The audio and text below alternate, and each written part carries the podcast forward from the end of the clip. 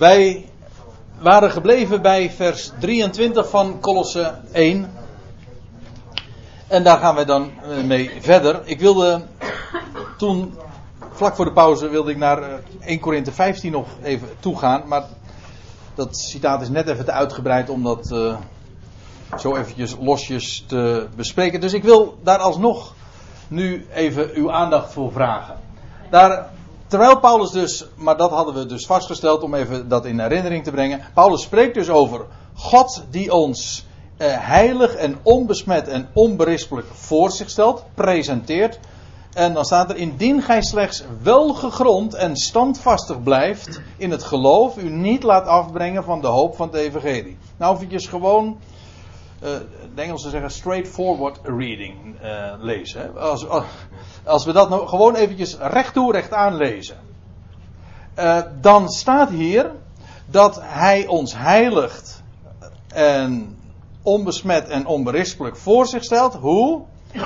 Wel, doordat wij gegrond en standvastig zijn in het geloof en ons niet laten afbrengen van het evangelie. Oftewel, wat heiligt ons? Wat maakt ons onbesmet? Wat, hoe uh, doet hij ons onberispelijk voor zich stellen. Dat doet hij door het geloof en door de hoop van het evangelie. Daarom, benadrukt Paulus, laat je er niet van afbrengen, want dat is de wijze waarop hij dat werk in en door ons doet.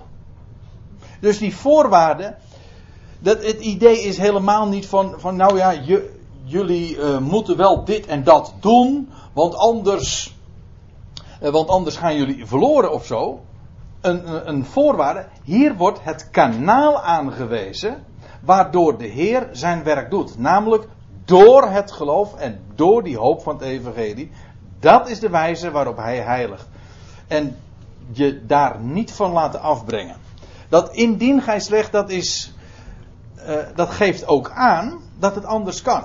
Als je afwijkt van dat woord, dat is het hele idee. Als je afwijkt van dat geloof, kom daar straks nog op terug, en de hoop van het evangelie, ja, dan wordt het met recht een hopeloze zaak.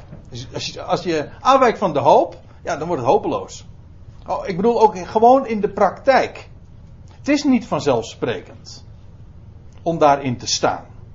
Je kunt ook inderdaad gewoon kiezen voor, uh, voor eigen werk. Hè? Voor de, hoe was het ook weer? Voor het doe het zelf. Ja, of hij doet het, of jij doet het zelf meer smaken zijn er niet. Of eventueel, als uh, die variant ook nog wil aanbrengen, of anderen doen het, maar dan is het dan toch in elk geval nog de mens. Of hij, of de mens. Nou, en hij doet dat doordat hij ons bepaalt bij zijn woord, het geloof en de hoop van het evangelie. Goed, dan ga ik nu even 1 Korinthe 15. Dan lees je, ik maak u bekend broeders. Dat hoofdstuk gaat over de opstanding. Dat hoofdstuk gaat over de, het belang daarvan. En daar waren Corinthiërs die zich af lieten brengen van de boodschap van de opstanding. Paulus zegt dan in, even later in dit hoofdstuk van hoe kan het dan dat sommigen onder u zeggen dat er geen opstanding der doden is? Ja, toen al waren er hele vreemde eigen, en eigenaardige redeneringen die fataal zijn in het leven van geloof. Dat is nu nog steeds uh, zo en in, in, in hele heftige mate. Eh, veel, veel sterker nog dan toen de tijd. Paulus zegt: Ik maak u bekend, broeders, het evangelie dat ik u verkondigd heb, dat gij ook ontvangen hebt, waarin gij ook staat. Nou ja, niet standvastig, daar eindigt hij zijn brief dan met vervolgens mee, maar ze stonden er wel in. En nou zegt hij, waardoor gij ook behouden wordt, indien gij het zo vasthoudt als ik het u verkondigd heb, tenzij gij te vergeefs tot geloof gekomen zoudt zijn. Mensen zijn er soms wat bang voor om dat te lezen, omdat is vanwege het idee dat men denkt van uh, dat er iets afgepakt zou worden, in die zin dat wij, wat Paulus dus heel duidelijk uh, altijd naar voren brengt, kijk, als wij als wij gelovig geworden zijn, dan heeft Hij ons verzegeld met de geest van de belofte. En, en dat is zijn zegel zet Hij dan op ons. En dat is nooit meer ongedaan te maken. Betekent dat dat ons leven niet verloren kan gaan? Jawel, dat kan wel. Jij, zo zegt Paulus dat trouwens ook in 1 Korinthe 3, het staat me nog helder voor de geest, want ik heb er afgelopen zondag nog wat over verteld. Daar wordt gesproken over, ja, dat, over mensen, over broeders, gelovigen, die behouden worden als door vuur heen. Dat wil zeggen, ze zien hun hele leven verbranden. Blijkt dan allemaal hout, hooi en stro te zijn. Eigen werk. Eigen bedenksels. En dan je een dag kan verloren gaan. We, ja, ik, ik, moet, waarom ik het zo, uh, waarom ik er nu ter plekke zo aan denk, weet ik niet. Maar uh, we zeggen wel eens een keer: een dag niet uh, gelachen is een dag, is een dag niet geleefd. Ja. Of een, een, dag, een dag niet blij geweest is een verloren dag. Ja, en in die zin kan je leven verloren gaan. Ja, daarover heeft Paulus het ook. Hij zegt, als je niet staat in die hoop van het evangelie, hij zegt, dan ben je te vergeefs tot geloof gekomen. Niet omdat, uh, omdat je dan je redding zou kunnen verspelen, dat is een ongehoorde gedachte. Maar je leven gewoon in de praktijk gaat verloren. Het geluk, de vrede, de vreugde, alles wat hij te geven heeft, wat hij door jou heen kan doen, dat is inderdaad te vergeefs in wezen komt het erop neer, Paulus zegt, van je hebt dat evangelie uh, ontvangen. Als je daar nou niet in blijft staan, ja, dan ben je dus te, te vergeefs tot geloof gekomen, want je wijkt er weer vanaf. Het gaat er juist om, je bent, je, bent gelovig geworden. Er gaat erom, blijf daarin staan. Ja, en dat is ook de gedachte, nou ga ik weer even terug naar uh, Colossense 1. Indien gij slechts welgegrond standvastig blijft. Echt waar, uh, je zou de, voor de aardigheid eens een keertje een, een lijst moeten maken waar Paulus dat in zijn brieven altijd benadrukt. Dat standvastig blijven, staande blijven, in dat woord dat hij verkondigd heeft. Nou, dat wordt een hele, hele lijst hoor. Waarbij hij telkens daarop aanspoort. Wijk daar niet van af. Ik had het zojuist over 1 Korinthe 15, over het begin van dat hoofdstuk. Nu ga ik even naar het slot van het hoofdstuk dan zegt hij, en dat is dan een conclusie. Daarom, mijn geliefde broeders, word standvastig, want dat is wat er letterlijk staat. Ze stonden, maar ze werden zo gemakkelijk heen en weer bewogen. Daarom, word standvastig, onwankelbaar, ten alle tijden overvloedig in het werk van de Heer, wetende dat uw arbeid niet vergeefs is in de Heer. Let op, het is hier het werk van de Heer. Ik, ik wil dat benadrukken, ik moet dat benadrukken. Waarom? Omdat men altijd maar het heeft over werk voor de Heer. Kijk, dat is nou typisch de godsdienstige variant. En je zou zeggen, nou ja, dat is alleen maar een kwestie van uh, één woordje dat anders is. Ja, maar daarmee verandert de hele betekenis. Niet overvloedig, ten alle tijde overvloedig in het werk voor de Heer. Want dat is ons werk. Als ik werk voor de Heer, dan werk ik als ik overvloedig ben in het werk van de Heer, dan is de Heer degene die werkt. Het werk van mijn werk, het werk van mij, ja, dat is het werk dat ik verricht. Het werk van de Heer is het werk dus dat de Heer verricht. Ja, zo moeilijk is het niet. Het gaat hier over het werk van de Heer. Daarin overvloedig te zijn. Hoe?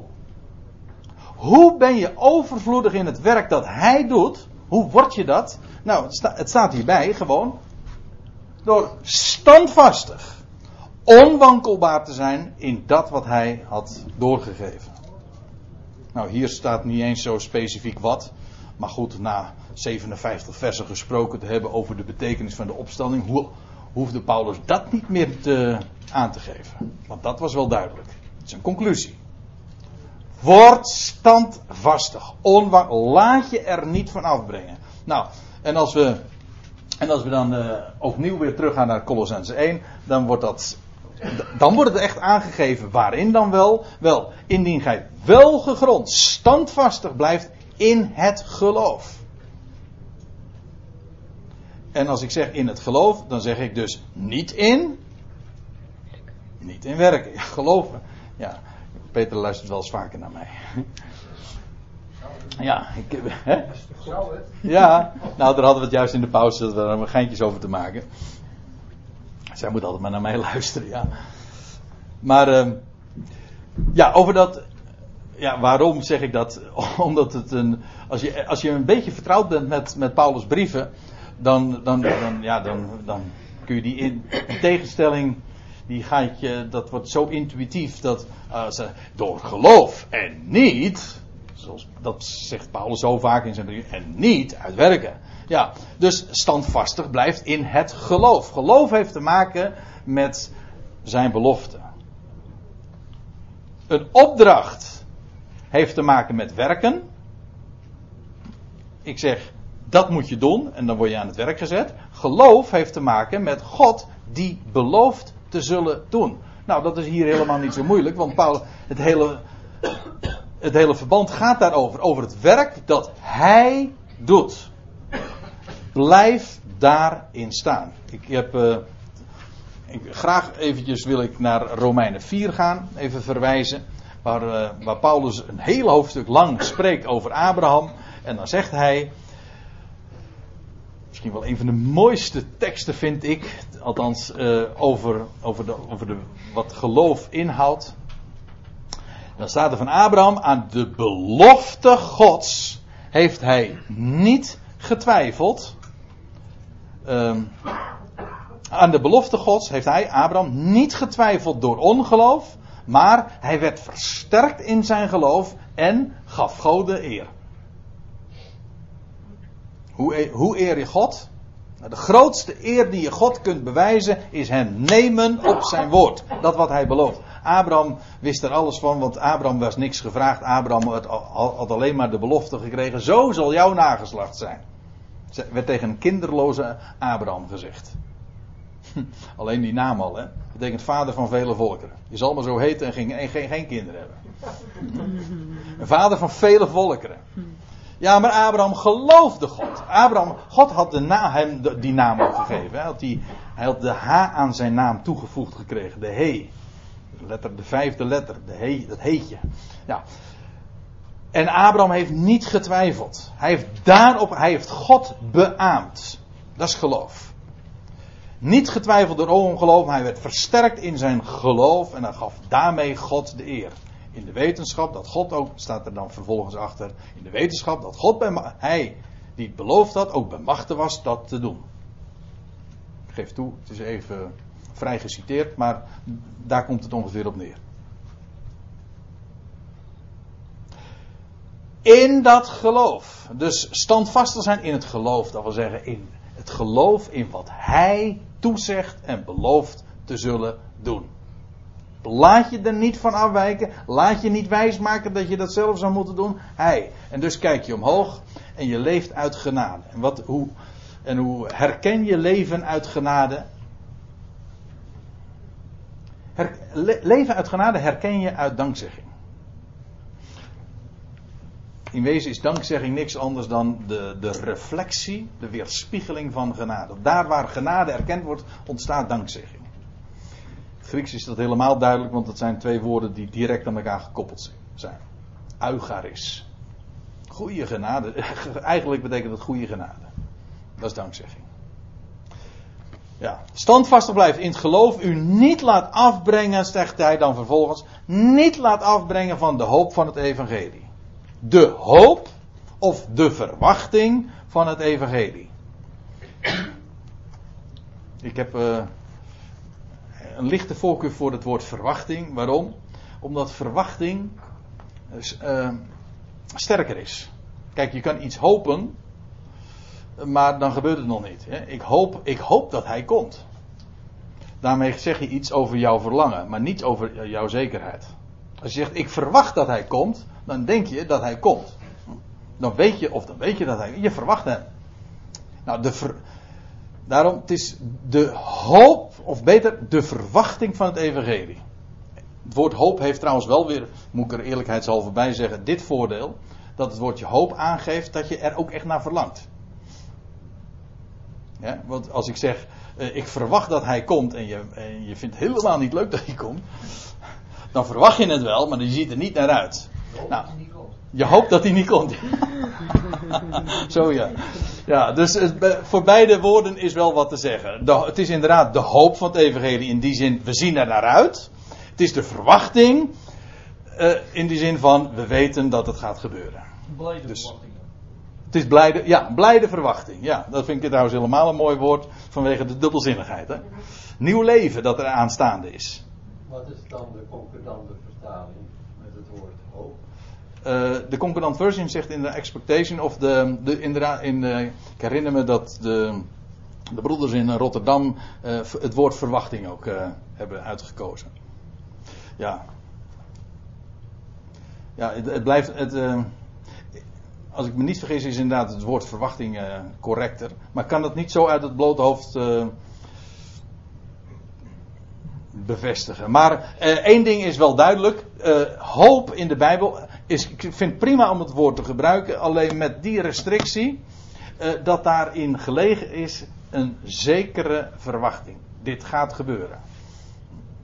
En dan niet in de trant van, zo, de, van de weersverwachting natuurlijk. Hè. Want u, weet toch, hè? Ze zeggen wel eens een keer: er is niks veranderlijker dan het weer. Maar er is één ding nog veranderlijker. En dat is de weersverwachting. Ja. Maar uh, ja, goed. Dus uh, dat allemaal eventjes over dat woord hoop en verwachting. Het maakt me niet zoveel uit als je maar weet dat het in ieder geval iets is wat geweldig is. Uh, wat, waar je naar uitziet. Blijdschap genereert. en het is zeker. Waarom? God heeft gesproken. Hij vervult het. Dus wat dat betreft, daar, uh, daar, is, geen, daar is geen mis op. Daarom, daarop te blijven staan. Het heeft namelijk niks te maken met, uh, met onze werkzaamheden. Wij vervullen niet die hoop. Het wordt wel, ook dat wordt wel in de, ook in de christelijke wereld verteld. Kent u de variant die uh, op christelijke basisscholen vaak gezongen wordt van het lied Stil maar, wacht maar. Alles wordt nieuw. Hm? Ja, dat, dat, dat is de bekende ouderwetse versie, maar er is een variant daarop. Die, uh, uh, was, dat ook, was dat ook onze kinderen of eh, was dat van iemand anders die ik dat uh, hoorde? Dat, dat, dat ze, ja, maar dat ze zongen dat ze niets meer mochten zingen. Stil maar, wacht maar, maar stil maar, werk maar. Alles wordt nieuw. Ja, echt waar, ik zeg dit niet om een grapje te maken. Stil maar, werk maar, alles wordt nieuw.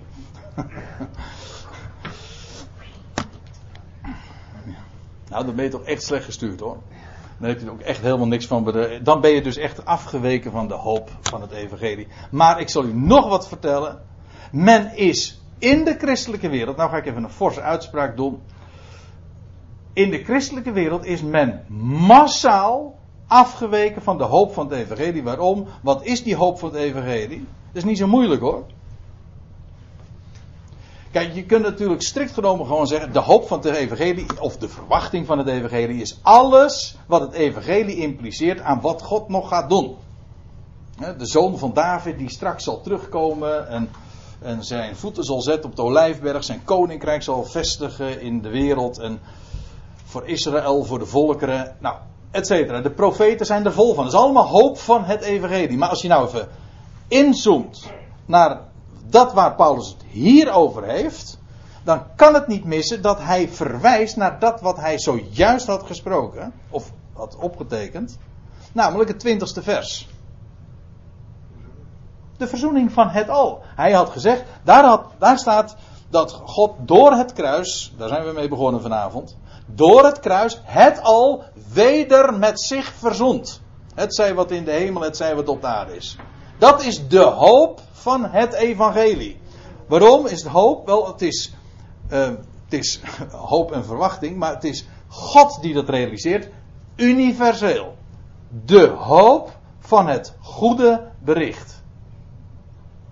Dat wordt verteld en dat wordt met recht gepredikt, gewoon aangekondigd. Het is een bericht. Of je nou gelooft of niet, maar dit is, dit is de waarheid. Er is hoop voor jou, er is hoop voor jou. Dan zeg ik geloof het niet, dan is het, blijft het waar. Dat is, dat is het heerlijke van het evangelie. Wij verkopen het, het, het, het, evangelie niet. Wij hoeven niet mensen te bekeren zo van, dan wordt het voor jou waar. Dan wordt, weet je wel, als jij je bekeert, als jij je knieën buigt, dan wordt Jezus jouw Heer en Redder. Of hoe hoe was het, eh, dat YouTube-filmpje dat ik gisteren zag op Facebook. Van als jij Jezus in je hartje toelaat. Hè? Ken je hem, Mark? ja, dat was een hele parodie, maar daar zullen we het verder niet over hebben. Nou, eh, maar zulke, eh, al dat soort christelijke varianten. Maar het is eigen werk. Het is allemaal eigen werk. ja. Ja. Nee, la- laten we het daar nou niet over hebben, want dat, dat eh, leidt veel te veel af, Emily. Maar het gaat er even om. Het is de hoop van het evangelie. Het is universeel. Gegarandeerd. En daarom is het ook een goed bericht. En daarom is het ook met recht hoop en verwachting. En dan te bedenken dat men daarvan heeft gezegd. Dat is een vloek. Dat is een ketterij. Officieel veroordeeld door de christenheid. En laten wij nou hier, eh, 2000 jaar later bijna, dat Paulus dit optekende, hier bij elkaar zijn en we, we omhelzen deze boodschap. We staan erop. Het is het geweldigste wat er is. Laat je er niet van afbrengen. Want juist deze boodschap is die, die ons op doet zien naar boven, doet ons stralen, heiligt ons. Laat je er niet van afbrengen. En dat- laat je er ook niet van dat geloof afbrengen dat hij het doet. Ik, en het is waarachtig, het is niet te geloven, maar de laatste tijd nog weer diverse keren zulke frappante voorbeelden van mensen die, die ooit deze boodschap kenden van genade. Het is daarom eh, zo duidelijk waarom Paulus het ook zo zegt en iedere keer benadrukt. Dat mensen die deze boodschap kenden en na verloop van tijd, en je ziet dat ook in gemeenschappen, kringen, die deze boodschap, die de waarheid van het evangelie kennen. En als je het niet op blijft staan, dan, echt waar, ongelogen, binnen een paar jaar ben je het gewoon weer helemaal kwijt. Als je er niet op blijft staan en toch weer gaat kiezen voor eigen werken. En ik kan heel wat voorbeelden zo voor de geest halen, waarbij ik dat inderdaad zie. Hoe fataal dat is. Daardoor, waardoor mensen inderdaad in de duisternis terechtkomen, belast weer worden, en daardoor dus niet zien op hem, niet meer stralen. En nou, kortom, alle, alle ongein die je maar kan bedenken, eh, overkomt je dan. Dan kom je weer in een vervloekt evangelie. Wat geen evangelie is natuurlijk. En als ik zeg ongein, dan bedoel ik dat heel letterlijk. Want u weet wat gein betekent. Dat is het Hebreeuwse woord voor genade. En ongein is dus ja, zonder genade. Ja, dan kom je echt in ongein terecht. De hoop van het evangelie. En daarvan, nou laten we verder gaan, want ik, kom nou echt eh, vanavond eh, niet heel ver. Maar eh, daar gij, dat gij gehoord hebt, zegt hij, schrijft Paulus dan, en dat verkondigd is, of eigenlijk staat er dat verkondigd wordt. Nou, is toch wel van belang om dit te begrijpen. Paulus zegt dat dit wordt verkondigd in de ganse schepping onder de hemel. Dat wil zeggen, waar ook eh, op aarde. Die ganse schepping onder de hemel. En ja, Paulus heeft er heel wat afgereisd hoor.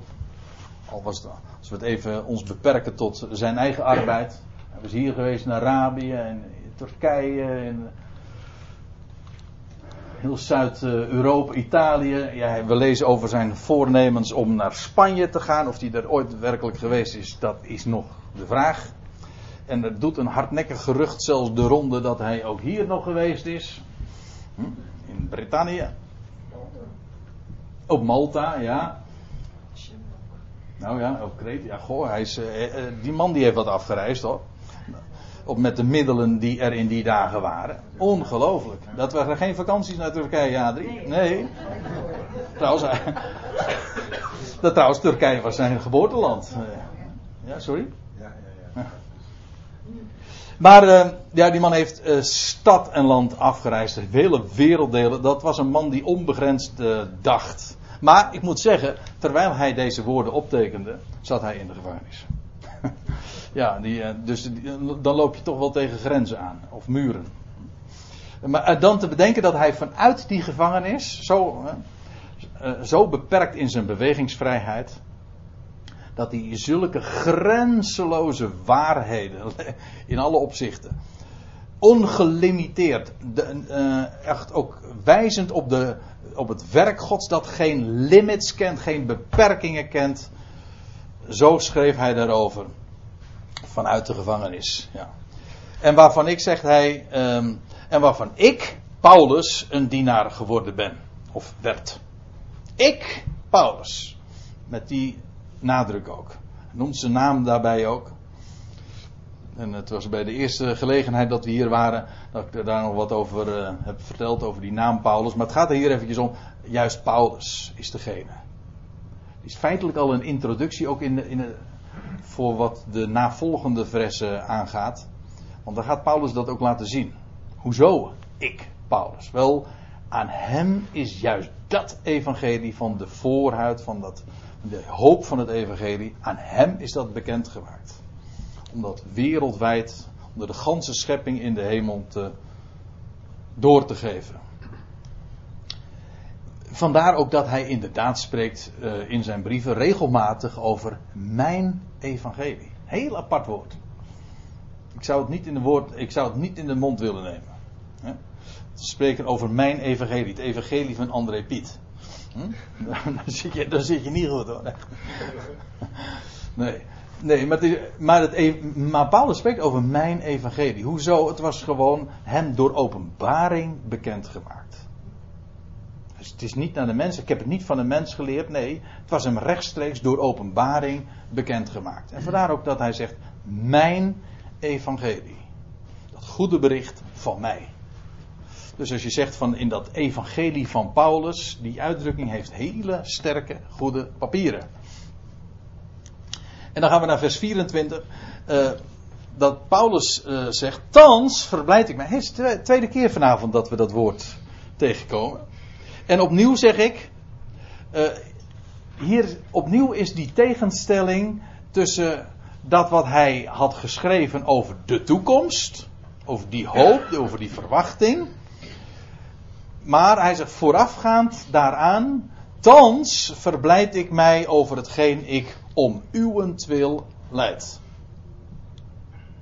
Ja, nou voordat ik over dat om uwentwil leid, uh, dat wil zeggen, vind ik het toch wel ook wel de aandacht waard om eventjes, uh, even gewoon zo'n zin op je te laten inwerken. Ik verblijd mij.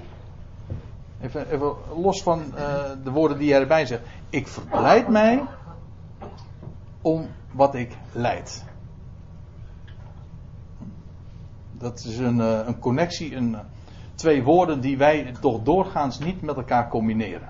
Lijden en verblijden, uh, verblijden verheugen. Paulus doet het. En niet alleen hier. Hij verheugt zich. Hij zegt, hij zegt, ons is het voorrecht ten deel gevallen om niet alleen in hem te geloven, maar ook voor hem te lijden. En dan, heeft hij het ook echt over lijden, over afwijzing, maar niet, maar ook in, nou ja, het loutere feit dat hij dit nu schreef in vanuit de gevangenis, is daar een, een voorbeeld van. Dat is lijden.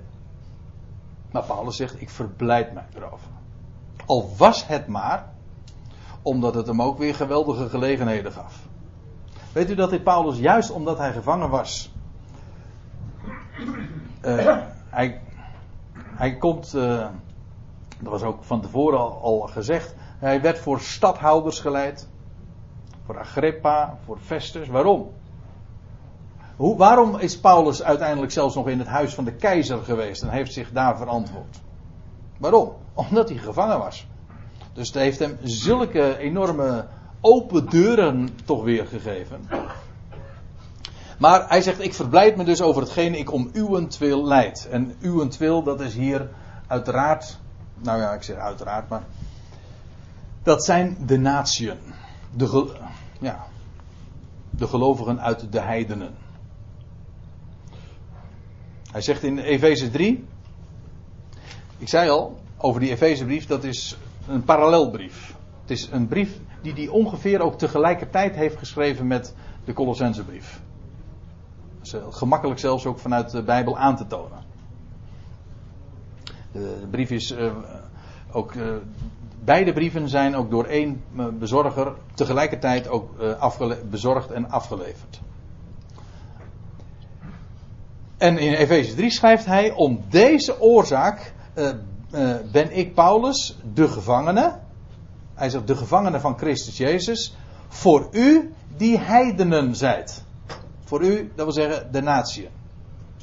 Dat woord heiden, ja, dat is een beetje een lastig woord. Waarom? Omdat wij bij heidenen toch doorgaans denken aan, uh, aan niet-godsdienstige mensen. Je hebt dus de kerkmensen en je hebt de heidenen. We hadden vroeger, uh, ik, wel leuk, ik, ik, ben, ik ben reformatorisch groot geworden en daar was, daar was het op zondag absoluut uh, verboden om, nou zelfs te fietsen, maar ook laat staan gebruikte om nou ja, te recreëren en en te gaan varen en zo, dat was absoluut not done. En dan was daar, daar was een oude man, herinner ik me, en die, als het dan prachtig weer was op, op zondag, dan, uh, dan zei hij zo tegen de andere kerkgangers, in het zwart natuurlijk, en dan gingen ze ter kerken. En dan zei hij, die heidientjes hebben vandaag toch maar weer mooi weer, hè?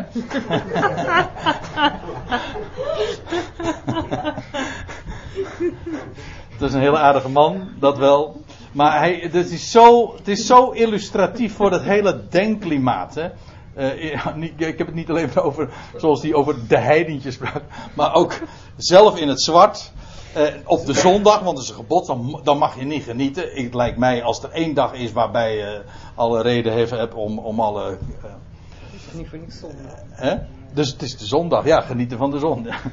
maar om alle registers open te trekken en het nieuwe leven te vieren. Maar goed, dat, dat kent men niet. De heidentjes hebben maar mooi weer. Ja, dan leef je dus echt in de duisternis en, en, de, donkere. Ja. Maar dat is dus. Eh, daarom zou je eigenlijk ook dit woord. Ik moet, uh, dat, ik moet zelf ook nog door dat proces. Maar het woordje heiden zou je eigenlijk ook moeten afschaffen. Want het roept te veel misverstanden op. Het, Griekse woord is namelijk ethnos. Dat kennen wij wel. Uh, van etnisch. Etnos betekent gewoon, uh, de, de, het zijn de volkeren, de natieën. En ja, dan kun je zeggen, de niet-Joden, dat is zo, maar in wezen moet je zeggen, het zijn de natieën, maar dan zonder onderscheid. Je hebt dus aan de ene kant de Joden, dat is een specifiek volk of groep, categorie.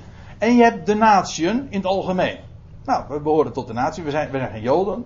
Maar de natieën zijn de volkeren gewoon zonder onderscheid. Dat is het idee. Paulus was een, een gevangene van Christus Jezus. Mooi hè, als je dat zo overdenkt. Hij zegt, ik ben niet gevangene van de Romeinen. Ik ben gevangen van Christus Jezus. Maar hij zegt, ten behoeve van de natieën. Gewoon zonder onderscheid. Waarbij Israël geen specifieke plaats meer heeft. Want in onze dagen heeft Israël inderdaad even geen uh, specifieke voorrang, totaal niet zelfs. Paulus was een gevangene voor de natieën. Het plaatje wat u hier ziet, dat, uh, dat verwijst daar ook naar.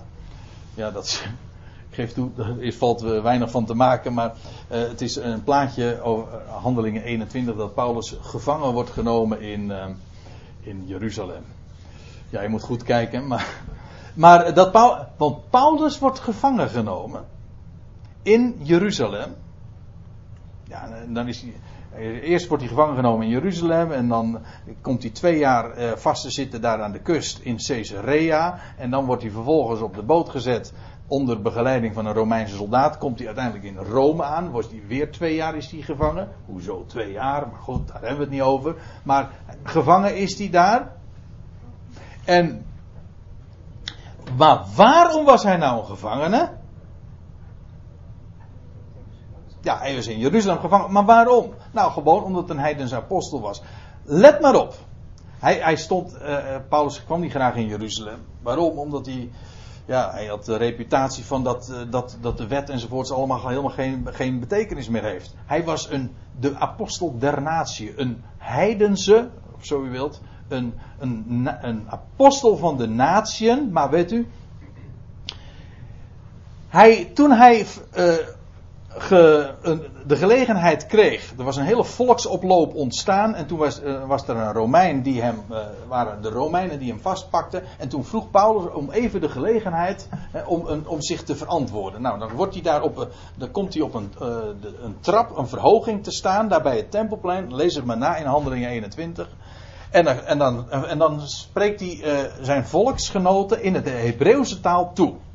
En dan gaat hij vertellen wie hij is en nou, zijn, zijn missie, zeg maar. En dan gaat hij. En dan, dan luisteren ze naar hem totdat hij één woord zegt. Dan, hij, had gezegd van, eh, dat, dat, eh, dat een, vanuit de, een hemelse stem had tegen hem gezegd dat hij Jeruzalem moest verlaten, want ze zullen van mij geen getuigenis aannemen. En toen werd er gezegd, ga weg van hier naar de heidenen, naar de natieën. En dan lees je, ze hoorden hem aan tot dit woord en toen, nou toen eh, brak de hel los. Want eh, toen wilden ze hem echt eh, ook killen. Nou, dat gebeurde niet. Ze hem veilig opgeborgen. Maar dat, dat was het begin van het hele proces dat hij in gevangenschap was. Hij zat dus letterlijk gevangen ten behoeve van de natie. Daarom. Hij was een apostel van de natie waarbij Israël geen specifieke bevoorrechte plaats meer heeft. Waarbij de wet geen rol meer speelt. Dat was een doorn in hun oog. Maar juist dat was het, de heerlijkheid ook van zijn bediening. En ik wil graag daar eh, ja, de volgende keer eh, mee, mee verder gaan, want er is natuurlijk nog veel meer over te vertellen. We gaan eh, dan verder met dat hele moeilijke vers, dat heb ik nu expres dan maar geparkeerd. Hè. Vers 24. Over die verdrukkingen van Christus. Dat geef ik dan als. het klinkt een beetje schoolmeesterig, maar als huiswerk mee. Mag u eens over nadenken. Mijn vader die zei oh, van dit vers ooit, hij zegt het is volgens mij het moeilijkste vers van het hele Nieuwe Testament.